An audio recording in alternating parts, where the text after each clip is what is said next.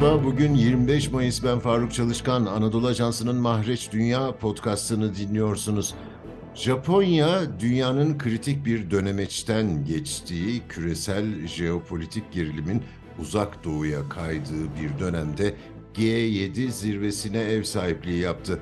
G7 liderlerinin dünyaya verdiği mesajları zaten haberlerde izledik. Burada Japonya'yı konuşacağız. Tokyo'daki Anadolu Ajansı muhabiri Ahmet Furkan Mercan'a katıldığı için teşekkür ediyorum.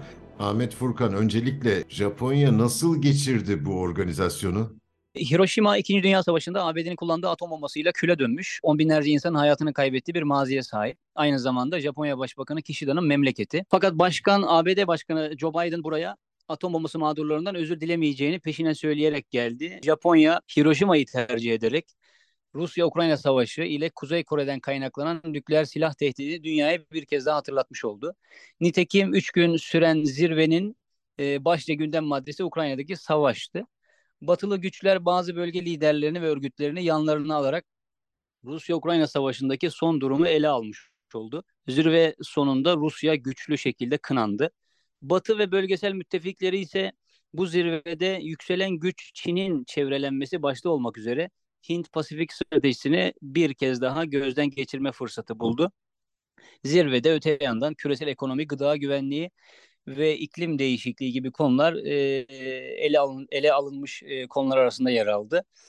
Tabii zirvenin e, uluslararası kamuoyuna pek yansımayan detaylarına e, değinecek olursak, bilhassa atom bombası mağdurları Hibakushalar olmak üzere Japon halkının birçok kesimi için Hiroşima hassas bir nokta anıt park, müze, hiba bir araya gelme gibi iç ve dış turizmin e, yaygın faaliyetleri arasında yer alıyor.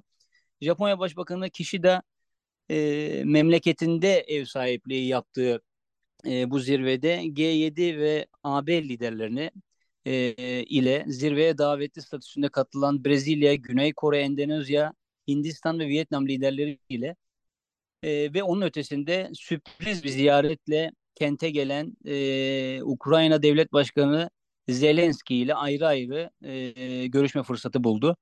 E, iç basının titiz, titizlikle takip ettiği bu ziyaretler vasıtasıyla kişi de hem atom bombalarının yol açtığı mağduriyeti gösterdi hem de ülke içi siyasi pozisyonunu konsolide etti diyebiliriz.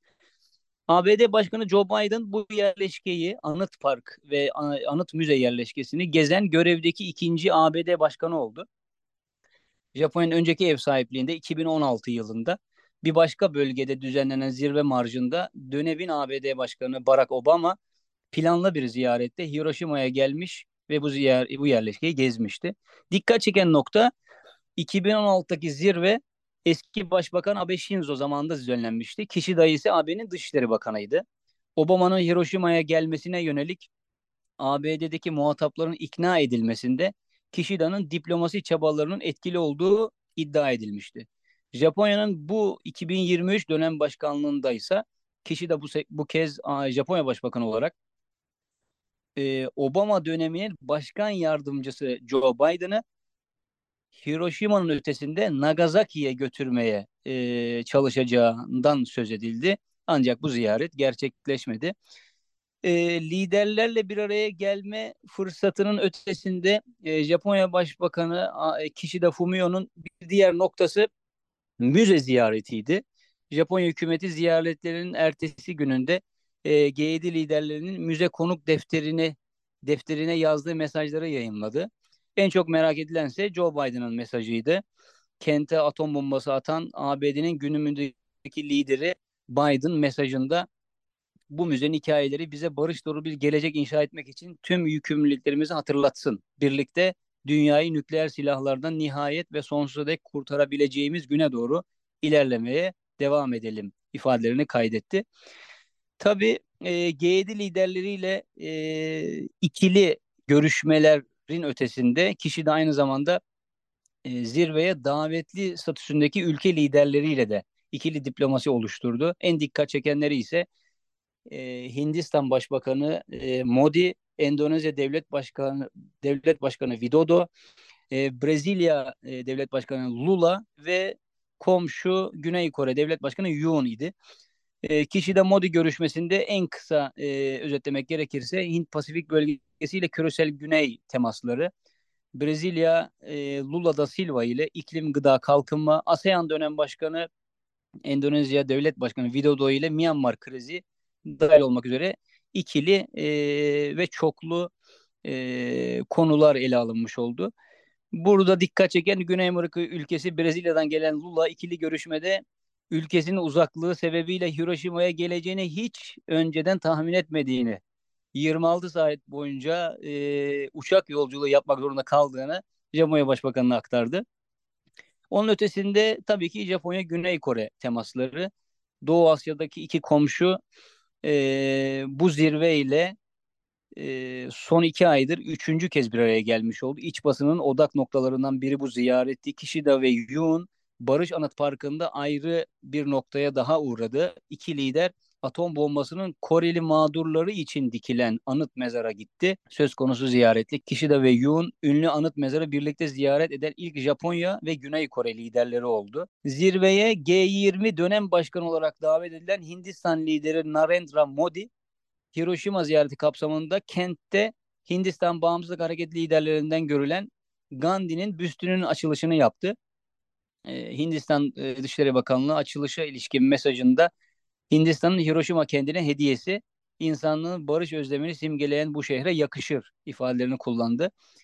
E, zirvenin en büyük sürprizlerinden biri tabii ki Ukrayna Devlet Başkanı Zelenski'nin e, ziyareti oldu. Cidde'deki Arap Birliği zirvesinden yola çıkan e, ve Fransa'ya ait bir uçakla Hiroşima'ya gelen Zelenski ikinci günün e, öğlen 3.30 sularında Hiroşima'ya indi. Klasik haki renk kıyafetiyle uçaktan indi. Yayınladığı mesajında Japonya, G7, Ukrayna partilerleri ve dostları önemli toplantılar ifadesini kullandı. G7 e, zirvesinde liderlerle ayrıca görüştü ve hem liderler hem de davetli ülke temsilcilerinin katıldığı barış istikrar konulu oturuma katılmış oldu. Furkan, Japonya'daki G7 zirvesi Çin ve Rusya'ya karşı Batı ittifakının onların Asya'daki müttefiklerinin de seferberlik halinde olduğu bir dönemde düzenlendi.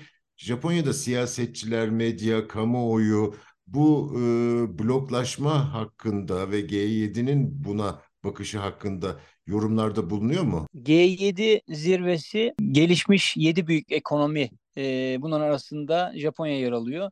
Japonya 2016'da en son ev sahipliği ev sahipliği yapmıştı. Bu 7. kez ev sahipliğiydi. E, Hiroşima'yı tercih etmesinin e, sebepler arasında hem ailesinin memleketi olması hem Ukrayna savaşına e, savaşına karşı bir barış mesajının verilmesi ve bunun ötesinde e, Çin'e yönelik bir e, konsolidasyon mesajı çıkarabilme umuduydu.